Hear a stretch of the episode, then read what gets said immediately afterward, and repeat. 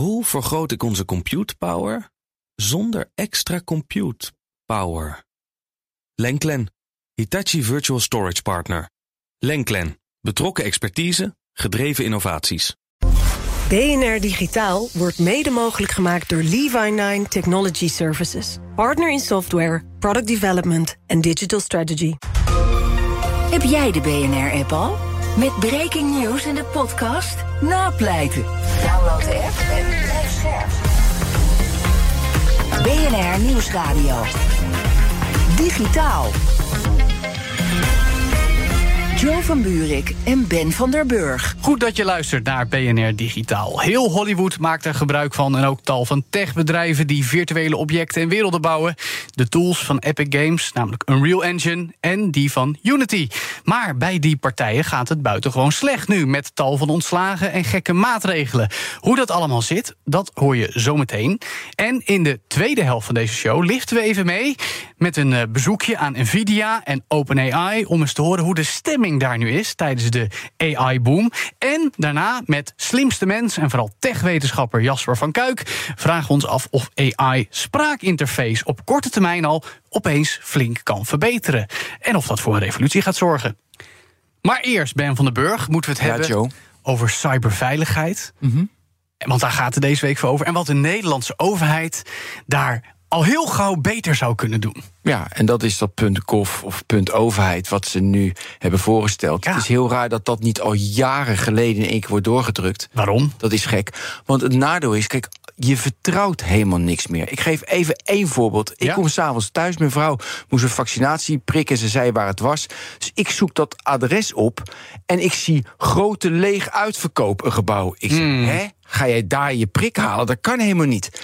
Dus gelijk van, ze zegt, ja, ik ben naar... eh, Die en die site. die en die site gaan. Dus ik die site controleren, die leek oké. Ja. Maar je kan, dus dan is de schrik Ja, dat je direct... het weet zit je in een scam. Voor het, nou, en, maar dat is dus maar treurig dat we elkaar. Ja. Want ja, je krijgt een brief in de bus, Ja. maar nu kan je die brief Het is, vertrouwen het is in de bus. waarvan je ons afvraagt... waarom hebben we dit niet eerder gedaan? Het kwam beginnende week in het nieuws dat experts zeiden... Van, nou, we zouden ook zoals Ja. in, in, in het buitenland... dat je .gov, nou, .overheid.nl moeten hebben hier... want dat kan alleen worden toegewezen door de overheid... in plaats van gewoon .nl wat iedereen kan pakken. Dan haal je zoveel problemen onderuit. Ja, wat- je vraagt je af waarom we zo'n oplossing niet al jaren geleden hadden. Ja, maar dat vind ik een makkelijke. Logisch hadden we al lang moeten doen. Maar in Nederland komt natuurlijk eerst een commissie en dan weer een stuurgroep die daarover gaat discussiëren. Maar de staatssecretaris zou nog dit najaar al een oplossing presenteren. nou, dan heeft ze nog een paar maanden, dus Ja, dat is goed. we gaan het vragen. Maar het gevolgen, en die vind, dat vind ik eigenlijk veel interessanter... dat dus in een samenleving dat we elkaar niet meer vertrouwen. Ja, maar dat komt door alles wat synthetisch mogelijk is. Juist. En dat wordt alleen maar meer met AI. En er wordt alleen maar meer en er komt er nog minder vertrouwen. En ik, ik heb al vaak gezegd, weet je, alles wat je digitaal doet, moet je... hé, hey, klopt dit wel, gaat dit goed, weet je.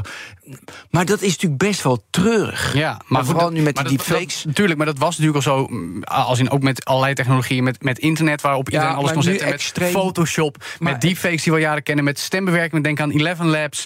Weet je wel, Ali Ja. Nicknam van Bunk, die uh, gedeepfaked werd. En dat dan in de buitenwereld deelt. Dus ja, we moeten, moeten een manier verzinnen om ons eh, rap tempo eroderende vertrouwen door technologie toch een beetje te balanceren. Ja, en dan is dus de manier inderdaad dat je alles wat je digitaal tot je neemt, maar eigenlijk alles wat je tot je neemt, dat je dan met een kritische, sceptische blik kijkt van klopt het wel? Hmm. Dat is jammer, want dan kan je mensen niet meer gewoon vertrouwen. Eh, en aan de andere kant is natuurlijk het opsporen. Hoe ga je met AI om? Het veilig gebruik van AI. Daar moet dus controle op komen. En dan moet je op een goede manier mee omgaan. Maar wie controleert dat weer? Daar zijn we nog niet uit, hè? Ik heb, ik heb wel een idee wat, wat het thema van dit najaar gaat worden, Ben van den Burg. Hoe gaan we met technologie het vertrouwen in de samenleving herstellen? Ja, maar dat is een thema, Joe. Dan ga je de echte. Dat kost echt heel veel tijd. Ja, Want dat is te voet en te paard. klopt. En we, we moeten nu echt gewoon. Weet je, het gaat lang met. We zijn te voet nu Ja. aan het gaan. En eh, dus moet, nou goed, technologie moet het bespoedigen. Dus we moeten toch maar zorgen dat technologie nu met dank aan de overheid meer voor goed gebruikt Ja. gaat worden. Plus, weet je, en daarom ze moet de overheid ook tonen dat ze dat .gov, .overheid heel snel kunnen doen. Weet je, dus laat je ook zien, we gaan we acteren snel. Gebruik de vaart die technologie kan brengen. Daarom, dus dat doe je. En dan heel veel voorlichting, dat helpt ook allemaal. En dan eh, moeten we maar het beste ervan hopen. En erover praten. Heel veel over praten. Klopt. In BNR Digitaal, in Nexus, in de Technoloog. Joh, we houden er nooit meer over op. Elke dag. Elke week. Digitaal. Game-industrie heeft het zwaar. Want na grote ontslaggolven in de bredere techwereld... tot eerder dit jaar heerst nu de malaise bij de grote spelers in de game-industrie. En ook partijen die veel meer doen dan alleen games uitgeven... zoals Epic Games met de Unreal Engine en Unity. Ook daar gaat het niet zo goed, dus wat is er aan de hand in deze industrie van bijna 200 miljard dollar jaar omzet? Dat vragen we aan Joost van Dreunen, videogame marktanalist en universitair hoofddocent aan de New York University en vriend van de show. Welkom Joost vanuit Las Vegas. Goedemorgen. Hi, goed dat je er bent. Even voor de goede orde, hè. Uh, Epic Games maakt veel meer dan alleen Fortnite. Namelijk die Unreal Engine. Die gebruikt volgens mij elke zichzelf respecterende partij... die iets met virtuele wereld of special effects doet. Ook bij Unity Malaise gaan we straks op in. Kun jij schetsen, wat staat er op het spel in de bredere techwereld? Uh, dat is een goede vraag. In de bredere techwereld zijn dus uh, eigenlijk de grote platformen met elkaar in, uh, in concurrentie. En dat maakt het zo dat alles veel duurder is geworden voor iedereen vooral met marketing heeft dat te maken. Uh, om je game de wereld in te krijgen en uh, aan de consument te brengen, eigenlijk veel meer geld kwijt. Of je nou mobiele game maakt uh, of console games. En de, als die kosten van ontwikkeling en marketing omhoog gaan, ja, dan op een gegeven moment zie je natuurlijk dat ze dan uh, mensen eruit gaan gooien om, uh, om die kosten naar beneden te krijgen. Ja. Dus daar, daar ligt het een beetje aan. Ja, en dat gaat dus nu ook naar de bedrijven die ja, de, de cruciale tools leveren, namelijk die Unreal Engine en Unity met, met de diensttools. Um, het feit dat het tot daar is doorgedrongen, hè, dat, dat ze met allerlei dingen bezig zijn, dat, daar, daar komen we zo meteen op. Dat is niet alleen maar games. Hè, dat is ook gewoon alles wat met virtuele werelden te maken heeft, heeft daar, daar, impact op, of niet? Nou ja, goed. Kijk, dus je hebt dus uh, voor met betrekking tot Unity. Uh, Unity heeft heel lang uh, geprobeerd om dus inderdaad een advertentiemodel op, op poten te krijgen. En dat is aardig gelukt, maar niet tot het niveau dat ze dus daarvan kunnen leven. En dat heeft er heel veel mee te maken, omdat uh, Apple dus haar regels heeft veranderd uh, de laatste paar jaren. Mm -hmm. um, omdat dat niet zo goed gaat, omdat ze dus dan niet aan de voorkant, aan de consument, dus zeg maar uh, de kosten kunnen ophalen, dan gaan ze naar de achterkant, gaan ze naar de ontwikkelaars. ze hebben daar dan vorige week, de laatste twee weken hebben ze daar ja, eerst nieuwe regels voor geschreven en vervolgens zijn ze daar weer teruggekomen. Yeah. En ja, het gaat gewoon om het geld pakken. Uh, weet je, die bedrijven die zijn uh, allemaal op de beurs. En die worden natuurlijk gevraagd om ieder kwartaal hogere cijfers te laten zien. Dus dat is aan de hand met Unity. Met Epic is het een beetje anders. Epic heeft eigenlijk ja, zichzelf in een hoek gezet met een, een, een, een oorlog met vier fronten. Je hebt dus uh, de, de Epic Game Store met Valve. Je hebt uh, de, de engine met Unity. Dan heb je natuurlijk ook uh, op, gewoon op een titelniveau met Fortnite met Roblox. Mm. en dan daarnaast, of course, heb je een hoop gedoe waar ze eigenlijk mee bezig zijn met Apple. Weet je, die hele rechtszaak. Dus ze zijn dus continu geld aan het pompen in het uitbreiden en het omvergooien van de bestaande zeg dat, structuur van de industrie. Yeah. Ja, dat kost natuurlijk klauwen met geld en dat gaat niet altijd goed. Ja, en dus moeten ze 16% van het personeelsbestand eruit gooien. Volgens mij bijna 900 mensen. Mm -hmm. uh, Tim Sweeney, als topman van Epic, verkoopt het dan als transitie naar de metaverse-inspired ecosystem. Maar ik, ik hoor jou in je vorige antwoord eigenlijk al zeggen dat in werkelijkheid zijn het gewoon hele dure advocaten waar het geld naartoe gaat. Het is voornamelijk, zoals ik het begrijp, ik heb uh, met een aantal mensen gesproken. Het zijn voornamelijk mensen die dus niet essentieel zijn aan het uh, programmeren. En de, de, de, engineers zijn allemaal oké. Okay. Het zijn meer aan de businesskant. Uh, de press statement was iets van 800 mensen, maar ik denk dat dat met contractors en tijdelijk personeel richting 1100 gaat. Zo. makkelijk gezegd. En het is dan op een gegeven moment, weet je, dat is dus een hoop aantal mensen. Ja, en als je dan uh, ook hoort hoe dat gaat, weet je, dan gooien ze dus voordat die aankondiging komt, gooien ze dan uh, Skype dicht binnen het bedrijf. En dan kan dus niemand, uh, weet je, moeilijk doen intern. Ja, het lijkt me echt en een het is, ja, het is, weet je, het is een beetje zuur. En het is dan. Ja. Uh, kijk, ik, ik heb heel veel respect voor Tim Sweeney wat dat betreft. Maar tegelijkertijd, ja, af en toe moet je dus inderdaad ook het, het roer omgooien. Ik denk dat die transitie naar een, virtuele economie, zoals ze die hebben beschreven, dat daar inderdaad brood in zit. Maar dat dat wat langer duurt dan ze hadden gedacht. Ja, Joost, je zei dat vooral de marketing- en ontwikkelingskosten zijn toegenomen. Uh, waar zit dat specifiek in? Het is um, eigenlijk, ja, het, het, zijn verschillende dingen tegelijk. Dus je hebt aan de ene kant dus uh, die, ja, die platformeconomie. Dus Apple maakt het moeilijker. Iedereen probeert een beetje zijn eigen. Ja, maar niet moeilijker. Achtertuin. Apple maakt het niet moeilijker, want het is gewoon die 30 procent. Ja, maar ja, oké. Okay. Nou, leg uit. Wel. Nee, nou, je hebt dus, binnen Apple heb je dus uh, de mogelijkheid om gebruikers te targeten. En dat hebben ze dus twee jaar geleden veel moeilijker gemaakt. Ja, die ATT. Ze hebben dus de regels veranderd. precies, Ja. Tracking Transparency. Ja, dus die regel... en daar- van gerichte advertenties. Ja, en Matt heeft daar moe- eh, zeg maar heel, veel, eh, heel veel moeite mee. Nou ja, heel veel last. En nu voornamelijk ook natuurlijk Unity. Ja. En gamemakers de, hebben Absoluut. daar dus Dus- dan ook een probleem. Ja. Dus als je dan kijkt in een economie, eh, zoiets als een, een app-economie met, eh, met miljoenen games, dan is het ook natuurlijk meteen heel erg druk in zo'n markt. En dan is het, wordt het heel erg duur. Dus eh, ik heb gisteren een gesprek gezeten met een aantal mobile app developers. En die zeggen eigenlijk allemaal: ja, we zijn dus continu aan het zoeken naar nieuwe kanalen om dus onze games aan de mensen te brengen. Eh, omdat het veel moeilijker is geworden in de, in de app-economie. Dus dat is überhaupt gewoon eigenlijk een structureel een verandering. Daarnaast is het natuurlijk ook gewoon het, eh, de uitgaven die mensen ervoor over hebben. Die, die zijn ook een beetje minder nu dan ze vorig jaar waren. Dat is de laatste tijd. Weet je, heel, heel simpel gezegd. Dus, dus die macro-trend, die, die krijg je dan toch wel. eh, en dit zie je dan ook hier. Eh, ik denk ook dat er gewoon eh, überhaupt... eh, ja, weet je, het is ook een beetje het tijd van het jaar. Een beetje malaise in dat, wat dat betreft. Eh, Fortnite was dan wel beter, hoorden we dan van Epic.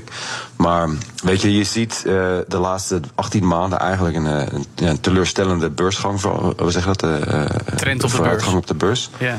En ja, goed, dan denk ik zelf ook, weet je, het is. ehm, die gamesindustrie die, die heeft het ook natuurlijk, eh, moet het hebben van nieuwe dingen en innovatie. En ja, daar zitten we dan een beetje op te wachten op dit moment.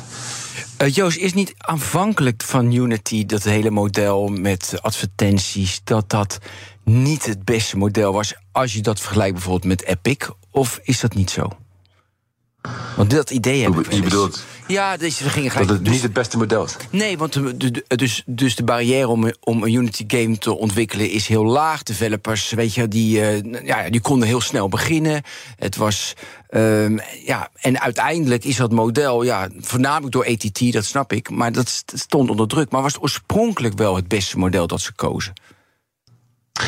Ik denk dat het een heel erg eh, eh, goed idee is geweest. Ik denk dat inderdaad dat eh, een aantal andere partijen daar gewoon liever niet aan wilden. Unity is simpel gezegd een, een hele toegankelijke engine.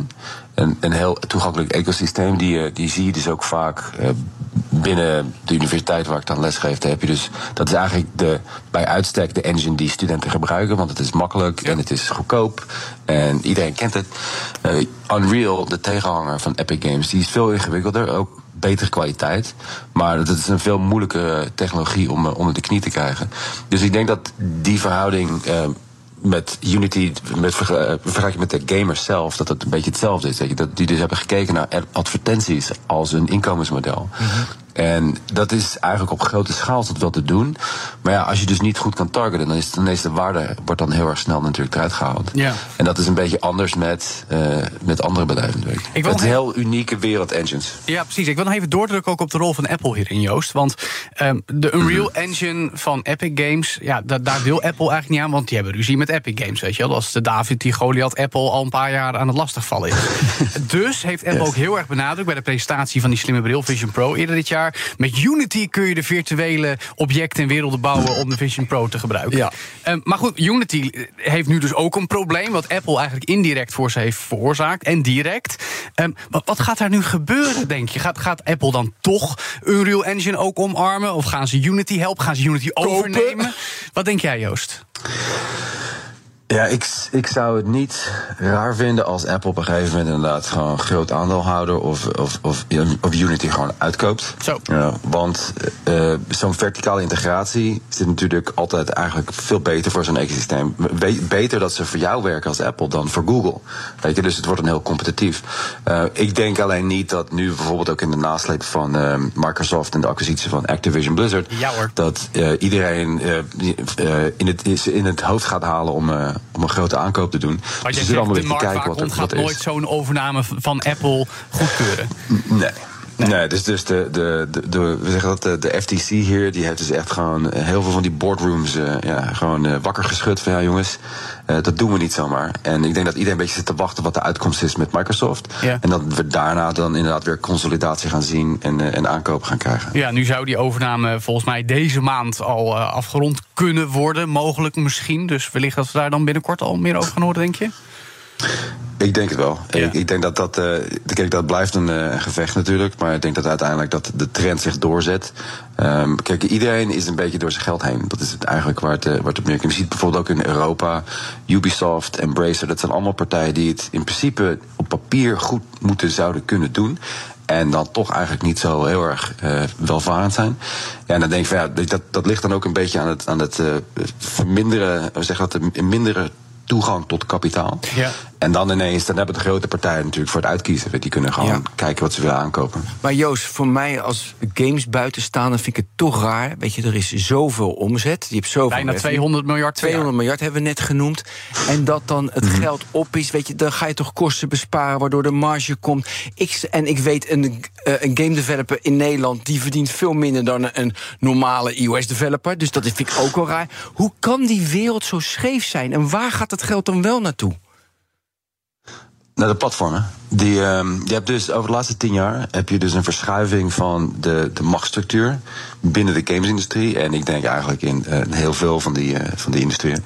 Uh, van de creatievelingen, van de mensen en de bedrijven die de content creëren, naar de platformen zelf. Dus je hebt tien jaar geleden had je dan uh, voornamelijk uitgevers en makers van games binnen de top 10 in de wereld qua inkomen. Mm -hmm. uh, in 2022 waren er maar twee onafhankelijke uh, uitgevers. Dat waren Activision Blizzard en EA. De rest van de top 10 allemaal platforms. Apple, mm. Google, Valve, de hele rambam zit erin. En die zijn continu aan het kijken hoe ze dus hun marge kunnen vergroten. En dat is natuurlijk alleen maar vervelend voor uitgevers. Ja. Laten we dan ook nog even over eh, Sony PlayStation hebben, Joost. Want ook daar, eh, nu deze week in het nieuws, ontslagen bij een belangrijk studio, Naughty Dog. Tijdelijke werknemers weliswaar, mhm. maar toch 25 van de 400 mensen die daar zouden zitten volgens de berichten. Eerder deze zomer ontslagen bij uh, studio's van EA en Ubisoft. Is dat nou de verlaten versie van de post-corona-ontslaggolven die we in de bredere techsector zagen? Of is dit echt specifiek voor de gamesindustrie, zoals je net al een beetje schetst? Ik denk dat dit een beetje specifiek is voor de gamesindustrie. Ik denk dat uh, dus de, de, we, zitten eigenlijk op een moment van transitie. Dus Sony zie je heel duidelijk dat die dus uh, een aantal aankopen hebben gedaan over de laatste jaren om dus um, ja, in mindere mate uh, een product aan te bieden, in mindere mate een, een solo-play uh, ervaring te geven meer en meer multiplayer willen. Ja, precies. En meer live ja, service. Blockbusters, dat houden ze natuurlijk altijd van. Ze, ze, willen meer live service. Dat heeft natuurlijk Jim Ryan ook altijd. Uh, het heeft erachter gestaan. Maar het is meer we zeggen dat. Um, de gamesindustrie is nu voornamelijk gericht op multiplayer en online. En Sony is daar historisch niet het sterkst in. En die zijn dat dus aan het omgooien. En ik denk dat Naughty Dog, uh, dat is echt bij uitstek solo game uh, play. Mm -hmm. Ja, die zijn dus aan het, dat ook aan het veranderen. Die hebben natuurlijk heel veel succes met hun serie op televisie. En dat zijn hele knappe mensen allemaal. Maar wat, wat de markt vraagt, is een beetje anders dan wat ze nu aanbieden. En ik denk dat dat dus, uh, ja, dat, dat heeft, net zoals met Epic, gewoon een beetje voet in de aarde. En, in, en dus ook ontslagen. Ja, maar jij, jij noemde de naam Jim Ryan. Die gaat weg, weten we nu. Um, en ja, het is dus al een, een soort voorzichtige transitie die Sony PlayStation had ingezet. Hè, met, met meer van die live services mhm. games. Ondertussen willen ze natuurlijk heel graag spelcomputers blijven verkopen. Want dat is wat ze doen. Ze moeten meer gaan leunen op IP's, hè, ook met films en muziek. Um, wat, wat, wat gaat er nu gebeuren? Want ja, de, de, grote PlayStation-baas gaat, gaat weg. Uh, Sony lijkt sowieso in mijn ogen niet altijd evenveel visie te hebben. Microsoft wel, maar de executie gaat daar nog niet altijd even goed. Wat, wat, wat, wat voorspel jij voor de komende maanden, jaren? Ik denk dat uh, Sony inderdaad steeds vaker een uh, mediabedrijf gaat, uh, een rol als mediabedrijf gaat aannemen.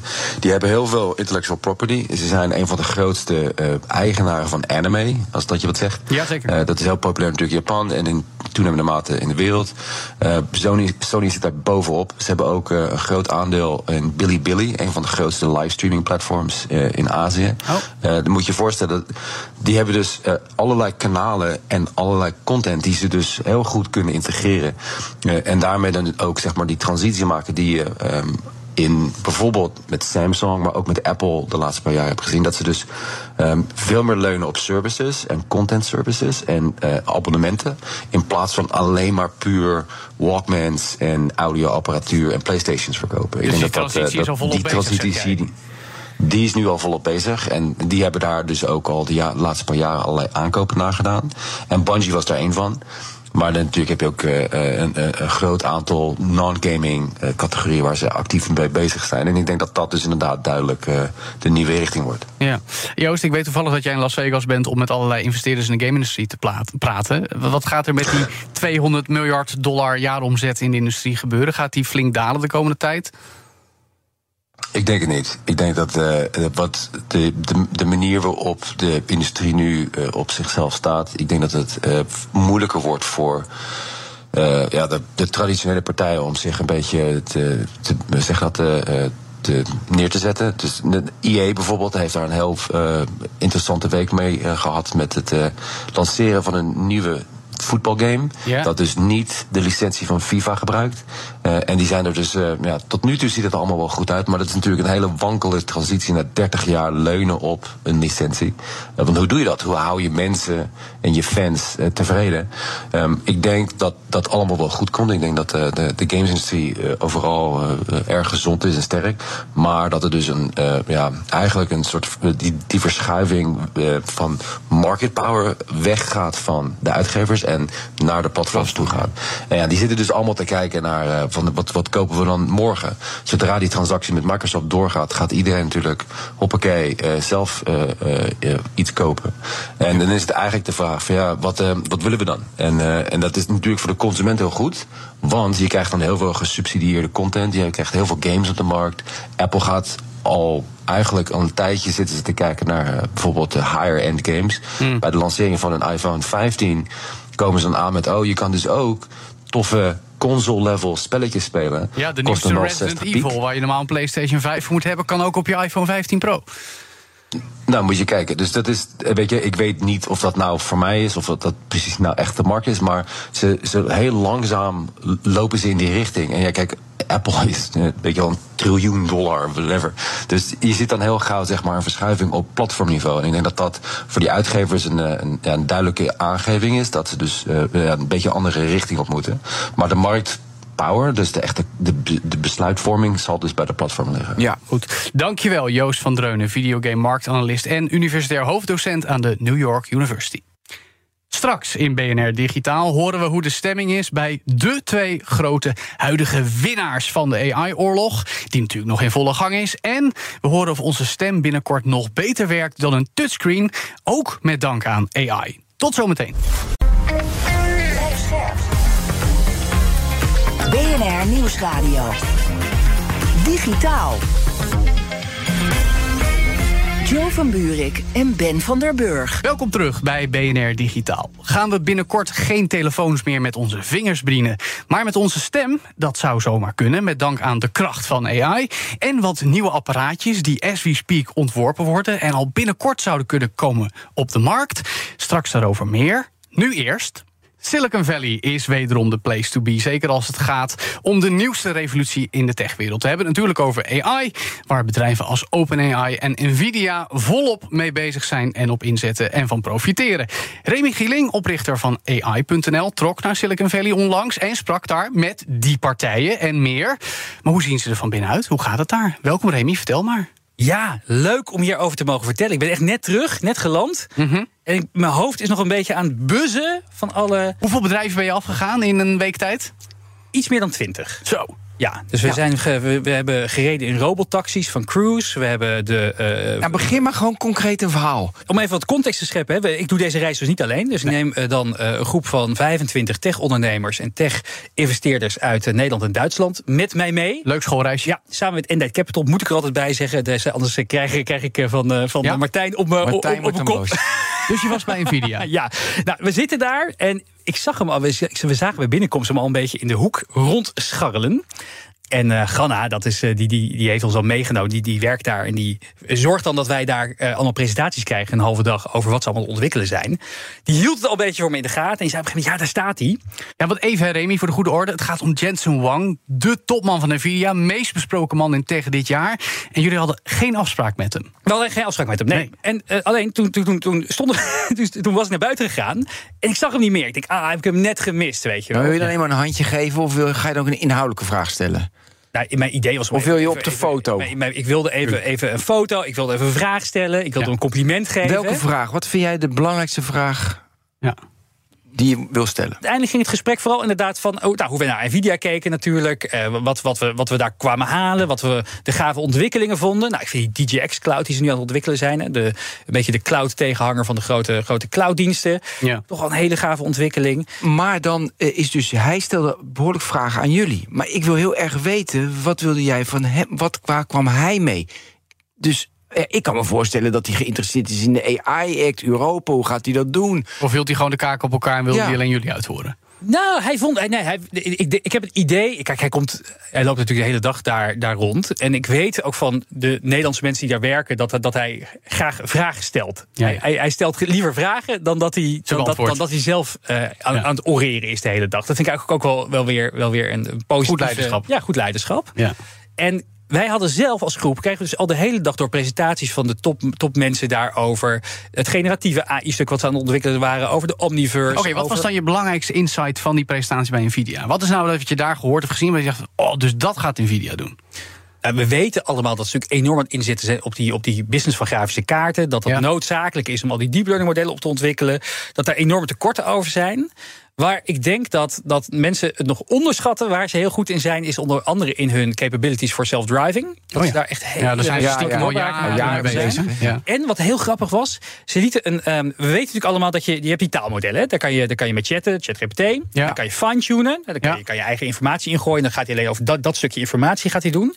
Wat zij nu hebben gedaan, is zo'n model gefine-tuned. In dit geval voor een handleiding van een, van een grote automaatschappij. Ja. Eh, en ze hebben daar een virtuele avatar van gemaakt. In dit geval van Jensen. En je kan dus vragen stellen aan de virtuele avatar van Jensen. Ja. En die gaat antwoorden geven over dat handboek. Dus hij Oh, vraagt van, oh, hoe moet ik mijn... eh, eh, ik, heb mijn- ik- ik- Letterlijk een virtuele assistent. ja, ja, Ja, je, het gaf een voorbeeldje van, oh, ik krijg eh, mijn, eh, mijn achterband niet los. Ja. Eh, hoe kan dat? En gaat hij opzoeken en zegt, oh ja, nou, dat komt inderdaad omdat eh, daar een speciale moer voor nodig is. Oh, die moer kan je als het goed is vinden in deze, deze plek in je auto. Ja, ja maar eh, ja. eh, nog, nog iets over het AI Development Platform van, van Nvidia? Of daar had hij het niet over? Want dat vind ik best wel opvallend dit jaar... dat ze daarmee meer naar buiten gaan. Ja, ja ze hebben die, die AI-mensen daar, die hebben dus wel veel verteld inderdaad over dat CUDA-platform, maar ook over, over, dat, over dat language-platform Ja. en over de, de, de, de language-platform Megatron, wat de beste naam is voor een, eh, voor een, eh, voor een large language model ooit, eh, ooit bedacht, Megatron. Ehm, maar hij zelf, hè, in zo'n gesprek waarbij je dat Nee. hebt, hè, hij komt even voorbij, hij zwaait even voor de foto. Wat heb ik- er niet gehad. Ja, en heb je nou wat je gehoord hebt daar? Hè? Ze, ze- kan ik dat ook op YouTube zien? Of hoor je ook echt andere presentaties? Zijn het gewoon corporate presentaties en dit doen we? Of hoor je tussen de regels door dingen en denk van... nou, dit is echt ongelooflijk. Nou, ik denk dat. Nvidia is best wel open van zichzelf. Dus eh, twee keer per jaar hebben ze die, die GTC, eh Maar goed, developersconferentie. ja, precies, daar kan ik het ook horen. Daar kan je het ook horen. Moet je wel net even de tijd voor hebben om weer eh, eh, Nemen. nemen. Hè? En dat en dat Ja. doen veel mensen toch niet. Dus ik denk dat het voornamelijk daarin zit. Maar En- als je daar in de zaal zit, als je er bent, dan, dan voel je ook een beetje de uitstraling van de mensen en de plek. Toch? Ja, en over de, de, de werkcultuur. Hè? Dus dat, dat, dat, dat merk je per bedrijf. Hè? De, de, de kantoren zijn ongelooflijk verschillend. Maar ook gewoon de, de manier van communiceren. Het, zijn, het is echt niet zo, weet je, het wordt af en toe wel eens gedaan alsof je inderdaad, eh, als je, als je nu bij eh, Microsoft werkt, dan ga je morgen naar Google, dan ga je daarna weer even Ja. shoppen bij Nvidia. Ophoppen tussen de Het is, echt, het is echt een hele andere cultuur. Dus Oh, echt? Ja. Ja, dus eh, hoe merk je dat de eh, AI-bedrijvencultuur, Nvidia en ook OpenAI, echt typische AI-bedrijven nu, hoe die verschilt van de traditionele techbedrijven, Apple, Google enzovoort? Ja. Sowieso bij de drie grote cloud providers merkten we vorig jaar toen we er waren. Is, is, is inderdaad, Microsoft is wat meer de corporate. eh, de, de Google was meer de, een beetje de, de, de, de funky alternatieve mensen. AWS gewoon lekker de mensen even gas willen geven. Niet lullen, maar, maar we gaan gewoon heel, ja, niet lullen, maar poetsen. Nvidia is dus heel open. Heel nerdy. En het, ja, weet je, het, het, er werken voornamelijk, er werken voornamelijk engineers. Eh, Jensen zelf is natuurlijk ook echt bij, Echte bij hard een techneuten. engineer. Het is echt, Ja. Ik denk qua intelligentieniveau op het, op het niveau van Musk nog veel ver, of, of, of Ja. verder boven. En OpenAI is weer ook weer heel grappig, want dat is eigenlijk ook alweer een heel tech-driven driven bedrijf. En toen we daar vorig jaar waren, toen waren ze, het was nog, nog drie weken voordat ChatGPT werd gelanceerd, was, waren ze ook heel, ja, heel open. Wel, kom maar langs, weet je wel, vrolijk, gezellig. Eh, het was op een vrijdag, niemand zat daar behalve Sam Altman zelf. Die zat Ah. een beetje te video vergaderen. En dit jaar dachten we ook weer van, nou, komen we weer vrolijk binnen, binnen met onze club. Nou, de sfeer was wel een beetje veranderd daar. Oh, hoezo? Als ik nu al meer corporate aan het worden in een jaar tijd, bedoel je? Nou, niet eens zozeer corporate, meer de een soort van de. de je merkt een hele een, een soort spanning die daar heerst. Zo van, we zijn nu heel gauw heel groot geworden en we moeten dit goed doen. Want Ja. onze maatschappelijke en vooral onze economische eh, bestaansrechten hangen daarvan af. Ja, dus we kwamen daar ook binnen en eh, het eerste wat werd geroepen... geen foto's, geen video's, geen foto's, geen Ja, video's. heel krampachtig. Ja, en ze legden ook uit, en dat geloven ze ook daar echt. En of dat zo is, ja, ik weet dat niet, maar ze, ze geloven daar allemaal... want iedereen die we spraken, die, eh, die, die beaamde dat... dat ze enorm nou, verantwoordelijkheid hebben. ook, maar ook wel gevaar lopen. Als in dat ze bedreigd kunnen worden door mensen die Ja. AI als de- Ja. het grote risico Ja, zien. ze zeggen we hebben, drie, we, we hebben drie dingen hier bij, bij OpenAI. We hebben heel veel kapitaal. We hebben het, ongeveer de belangrijkste intellectual property van, van, van de, van de, van de AI-space op het moment. Mhm. En we hebben ideologie. En dat maakt best wel een mix dat, dat, je, eh, dat je ook wel mensen tegen het harnas eh, kan jagen. Dus zij zijn echt daarom. daar- hè, dat, dat adres, dat, dat logo staat nergens op de gebouwen. Eh, het adres is niet publiekelijk bekend.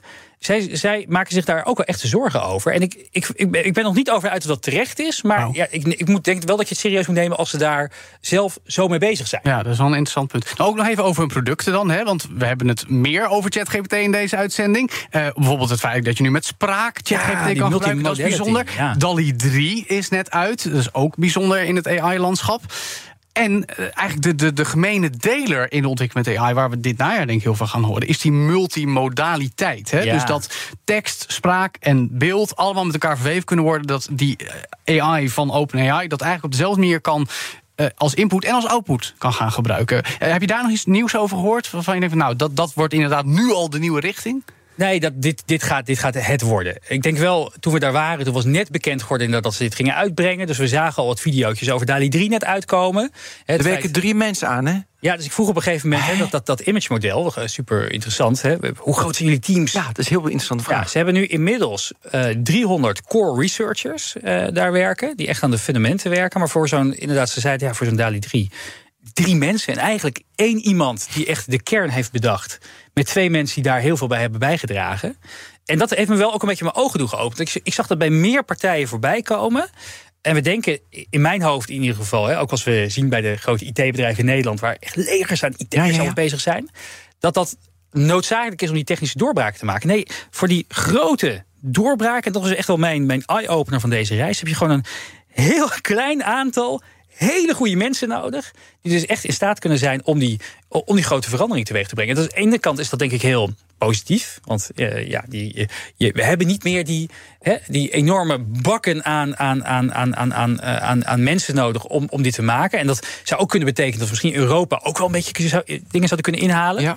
Aan de andere kant, ja, als, als, als, als, als heel weinig mensen iets heel Ja. groots kunnen maken, heeft natuurlijk ook een keerzijde. Dan heb je dus op een heel andere manier dat AI banen overbodig gaan maken is. Ja, ja, ja ook nog eens. Eigenlijk. Ook nog eens. Omdat Maar- je maar heel weinig mensen nodig hebt om het echt goed te doen, blijkbaar. Ja, ja, maar ik stuurde vanochtend al even naar jou, Joe. Dat ik in, in Wired had gelezen dat, dat je dus nu. Je hebt niet alleen ChatGPT, maar op het dark web heb je blijkbaar ook Fraud GPT. Oh jee.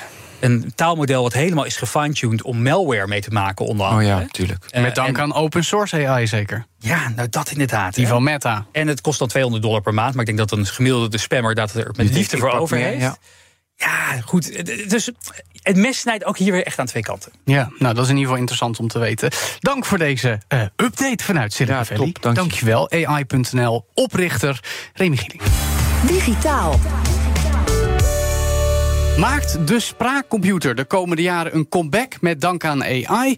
ChatGPT krijgt nu immers herkenning van gesproken woord in combinatie met beelden. En OpenAI zou zelfs al in gesprek zijn met het bedrijf van legendarische Apple-ontwerper Jony Ive om de iPhone van AI te ontwerpen. En ook Meta wil zoiets met de brillen van Ray-Ban. Maar gaat het scherm dan na decennia weer van onze mobiele telefoons verdwijnen? Terwijl notabene spraakgestuurde interface het nog steeds niet is, ondanks al die slimme assistenten. Dat zijn vragen voor Jasper van Kuik, bekend van meerdere rollen, onder meer als assistent hoogleraar gebruiksgericht ontwerpen en innovatie aan de TU Delft. En nu bij ons vanuit Zweden. Welkom Jasper. Hallo. Goed dat je er bent. Hey, die eh, nieuwste populaire belofte van AI hè, is dus dat ze spraakcomputers opeens echt goed moeten maken. Dat we geen scherm meer nodig hebben. Zie of hoor jij dat ook al voor je? Ik, ik denk wel dat AI eh, eh, spraakgestuurde interacties een, een, ja, een stuk beter kan maken dan ze altijd zijn geweest. Ehm, het is natuurlijk al een tijdje dat we ermee mee werken. De eerste mobiele telefoons, of niet de eerste, maar de eerdere generatie mobiele telefoons had al spraaksturing. Maar dan ging je echt ja, gewoon het menu door. Dan ging het, de telefoon ging het menu aan je voorlezen. En dan moest jij zeggen, eh, doe maar item 3. Of je noemde een naam. En dan, maar dan wist hij precies wat je ging zeggen. Dus, dus, en het was heel houterig. En je moest ook precies weten waar je in het, muzie- eh, in het menu zat. Of in de auto, als je zegt bel die en die. Weet je, de- ja, dat ging ook nog wel eens mis. Ja. Ehm, er wordt de naam niet goed eh, geïnterpreteerd. Nou, En gaat AI daar dat allemaal beter maken? Is dat tussen aanhalingstekens zo simpel op te lossen? Nou, AI, waar AI goed in is, is, minder discrete antwoorden. Dus minder exacte antwoorden. Oh, hij moet nu dat, dat of dat gaan zeggen. En wat meer ja, wazige, uit een, een omschreven zin afleiden wat jij wil. Dat kan ChatGPT al goed. Eh, en dat zou eh, een, een, een spraak-AI ook goed moeten kunnen. Plus daar nog bij de krachtige processing die, die er steeds meer bij komt. Dus dat zorgt ervoor dat je wat meer kunt gaan zeggen... ik wil nu dit. In plaats, dus in plaats van dat je moet zeggen... open Spotify, ga naar die artiest en speel dat en dat nummer... kun je gewoon zeggen, speel muziek. Ja, minder Eh, commando's en en meer dat- gewoon een gesprek voeren, bedoel je? meer een gesprek voeren. Het wordt meer een dialoog. Eh, en daar eh, zie ik wel mogelijkheden voor AI. En daar zie je ook wel dat het laatst steeds... Ja, die, die, die thuisassistenten kunnen dat best wel goed. Ja, die kunnen dat Ehm, vrij goed. Als je kijkt naar Google Assistant, dat is vrij redelijk. Maar ik speelde afgelopen week met Voice Chat GPT. En ik liep in het bos s'avonds laat en ik was echt, Jasper, verbaasd hoe goed hij met mij sprak. Ik had de film Heur de hele tijd in gedachten. Dus de vraag, Ja. dus de vraag is dan, hey, hoe zijn ze zo snel zo goed geworden? Het is nog niet perfect, maar echt heel erg goed. Hoe komt dat? Processing power en die language models... Dat, dat, dat is denk ik wat er aan de hand is. En ook de processing power op afstand. Want het is meestal niet dat jouw lokale... device- Wat we vroeger probeerden is jouw lokale device... moest in zijn processortje of haar processortje alles proberen op te lossen. En Dat, is wat de Alexa's, Google Assistant en Siri's nog steeds proberen, hè? Ja, ik weet niet, hebben die een lokale Nee, processor? nee, nee, nee, nee. Nee, die gaat ook naar een server toe. Ja, oké. Eh, du- dus, oké, dus dat is sneller. Want ik merk als de verbinding minder is, is die minder goed. Maar, eh, Ja. oké, dus zeg maar processing, eh, zeg maar power in een datacentrum gewoon. En die modellen Ja. zijn natuurlijk beter. Maar, Ja, maar... daar Maar- komt Kijk, die. dat geloof ik, dat vind ik eigenlijk niet, helemaal niet de interessantste vraag. Eh, want ik geloof wel dat die spraakmodellen nu ook met voice goed gaan worden. De vraag is alleen of het een geschikte interactie is en wanneer het een geschikte interactie is. Want je, je krijgt nu een beetje de, de neiging die je altijd ziet als er een nieuwe vorm van interactie opkomt. Te zeggen, oh, dat is de toekomst. Ja. Ja. Toen, eh, toen eh, Apple kwam met het clickwheel in de iPod, zag je ineens. eh, Dat is de wilde iedereen een clickwheel.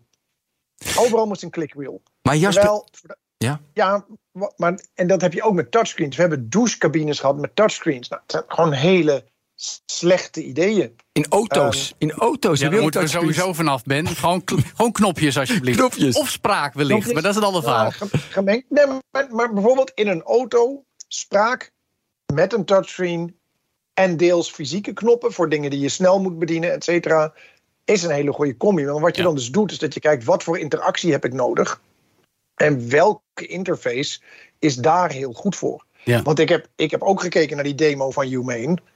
Nou, super tof.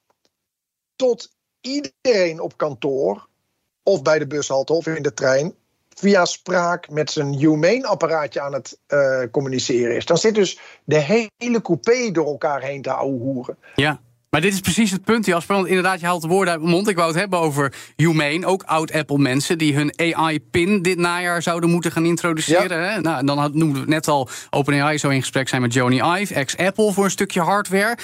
Wat, oké, stel, dit gaat dus komen, hè, dat weten we nu, het komt eraan. Maar wat is er volgens jou nodig om die form factor wel te laten slagen? Want je hebt net al het grootste probleem, namelijk totaal gebrek aan privacy voor je interactie met je device. Als je voice gebruikt. Precies, benoemd. Hoe, wat, wat, wat zouden ze dan van meet af aan moeten doen om het wel te laten slagen? Want anders is dit nu al de volgende flop. Ja, maar dan moet je, dan moet je ook, ook slagen definiëren. Ik denk dat dit eh, onder bepaalde omstandigheden een hele toffe interactie kan zijn. Vooropgesteld dat je dus een hele goede eh, dekking hebt van je data. Eh, Want bij mij op het Zweedse platteland wordt dit af en toe al ietsje ingewikkelder. Oei. Ehm, dit wordt niet de volgende smartphone, denk ik. Daarom. Ja, jammer. Omdat die, het wordt wel, nee, maar het, het kan best wel in je volgende smartphone of onder bepaalde omstandigheden, of net als, als je watch een add-on te zijn. Maar bijvoorbeeld schermen, je moet vooral kijken naar wat, schermen zijn we nu gelijk. Oh, schermen gaan weg. Maar schermen doen ook bepaalde dingen heel goed. Want ze geven een overzicht van wat de opties zijn die je hebt. Ja. Uh, en dat, dat heb je met die spraak en die, uh, die Ja. gesture-based interfaces. Die, die weet je dat je bepaalde gebaren of met drie vingers swipen. Je moet voor de gein is, is googlen op uh, 10 things you didn't know your iPhone could do. Ja, ja. En dat zijn heel vaak dingen. Want dan moet je met drie vingers zo, of je moet twee Ja, knoppen je helemaal daar. gek van. En je moet, ja, maar dat kan die dus allemaal. Zonder dat jij dat weet. Omdat hij geen aanwijzingen geeft dat hij dat kan. Ja. Met spraak. Jij staat straks voor een apparaat. Nee, je hebt een apparaat nee, het bij je. apparaat bij je, ja. ja, die heb je op je borst dragen. Maar wat, wat moet je vragen? Weet je? En, en wat ik tof vind, wat de AI-toevoeging heeft. Kijk, het vroeger menu moest je heel erg gedwongen precies het goede zeggen. Nu kun je veel bredere vragen stellen. En dat is de mogelijkheid van AI. Maar als je echt iets wil bedienen van een apparaat of een computer of iets gedaan wil krijgen, is het nog best wel handig om een overzicht te hebben van dit zijn de opties nu. Dus ik denk dat het heel vaak visuele interfaces nog best wel prettig zullen zijn. Of Ja. als je even een artikeltje wil lezen. Dus jij zegt, spraak is heel erg... eh, dus wat moet je vragen? Naar, naar, mijn, eh, naar mijn idee is dat een dialoog met mensen... of je wil een Ja. soort college volgen. Dat werkt best goed al nu. Maar specifieke dingen, dat is best lastig. Ja. Weet je, en dan is het handig dat je bijvoorbeeld wel een scherm hebt. Nee, maar ik bedoel, het is toch ook zo biologisch als als wezens communiceren we al miljoenen jaren naartoe, met ja. audio en pas duizenden jaren in beeld. Jasper, als ik het even zo mag formuleren. Ja, ja. Ehm, Dus als voice goed wanneer wij wordt... precies zijn begonnen met praten hoor. Maar ik. ik niet daar- geluiden ik- maken, laat ik het zo zeggen. Ja, maar we gebruiken ook al miljoenen jaren tools, gereedschappen, Ja, die met ons communiceren, aan ons laten zien waar, waar we ze vast moeten pakken. Ja. Dus dan moet je onderscheid maken, denk ik, tussen communicatie en een gereedschap dat je gebruikt. Ja. Maar oké, om het heel even terug te brengen naar de schermpjes. Hè? Want eh, wat dan ook nog een interessante factor is... we hebben het vaak over de schermpjes en de nadelen ervan. Te veel tijd weer bezig, niet naar de juiste belangrijke dingen kijken. Wordt ons leven dan ook echt beter als we zouden... Zouden, zeg ik, want je zei net al, het wordt niet de volgende smartphone... maar zouden pivoten naar meer audio en minder visuele interface? Ja, durf, ik- durf ik niet, gewoon niet zo heel erg goed te zeggen. Ik snap de pitch. Maar Ehm, nou ja, Nou, maar we zitten dan toch minder op schermen? Je gaat dan toch... Kijk, vaak loop ik in het bos en dan kijk ik op mijn scherm. de vraag is, wordt ons leven er beter van, Jasper... als we dit, ja, nu niet. als we dit gaan gebruiken de komende jaren... wat nu ons wordt voorgespiegeld? nou ja, als je dan met oorlog inloopt in plaats van naar een scherm te kijken, dan ben je nog steeds afgesloten. Ja, dus het is kom zie, kom sa. Ga maar, ga maar als jij door het bos gaat lopen met een iPod, eh, met, een, eh, met een podcast op, Ja, dan ben je nog steeds niet ter plekke. In gedachten niet. Ehm, en gewoon ook wat je hoort niet. ja, maar dan ga je ervan uit dat het beter is als je niet ter plekke is. En dan inderdaad, wat je zegt, hangt van de definitie van ter plekke af. Mag ik nog even terugkomen op het lokaal of server-based? Wat ik heel mooi vind van de, van de Apple Watch Ultra 2... dat bepaalde eh, commando's die je geeft worden... inderdaad krijgt Siri, dat werkt lokaal. Dus straks zie Ja. ik voor me dat je een taalmodel hebt. eh, Nu is Lama 1 is 68 gig, Lama 2 zou meer zijn. Dat draait allemaal op je telefoon. Dus ja, dan is de interactie nog sneller, waardoor de gebruiksvriendelijkheid nog beter is. Hoe zie jij dat, Jasper? Ja, want dan, weet dat is natuurlijk uitermate frustrerend als je ergens bezig bent en het is gewoon te langzaam. En vertragingen zijn, zijn altijd dodelijk voor interacties. Ja. Eh, voor, de, voor de goede orde, ik, ben niet, ik denk niet dat, dat dit soort interacties eh, niet een verbeterende stap zullen zijn. Ehm, vraag me alleen af of, het volle, of we straks naar een volledig spraakgestuurde device gaan. Eh, heel misschien onder bepaalde omstandigheden. Dat het fijn is eh, als je staat te koken en je handen niet. Nee, nee, Achter in het auto, stuur. weet je. Wat we net al zeiden. Achter het stuur. Ja. Super fijn. Dat je niet het menu in hoeft. Maar dat je gewoon kan zeggen: eh, doe even de ventilatie wat zachter. Of weet ik veel. Wat, wat er ook moet gebeuren. Ja. Verplaats me een afspraak van dan en dan. Maar daarmee zeg je dus eigenlijk, als dit nu in een stroomversnelling raakt... en we dus die producten gaan krijgen zoals Humane... en wellicht OpenAI ze voorspiegelen volgend jaar en de jaren daarna... dan zouden we daar wat beter van kunnen gaan worden met elkaar. Ja, wat is.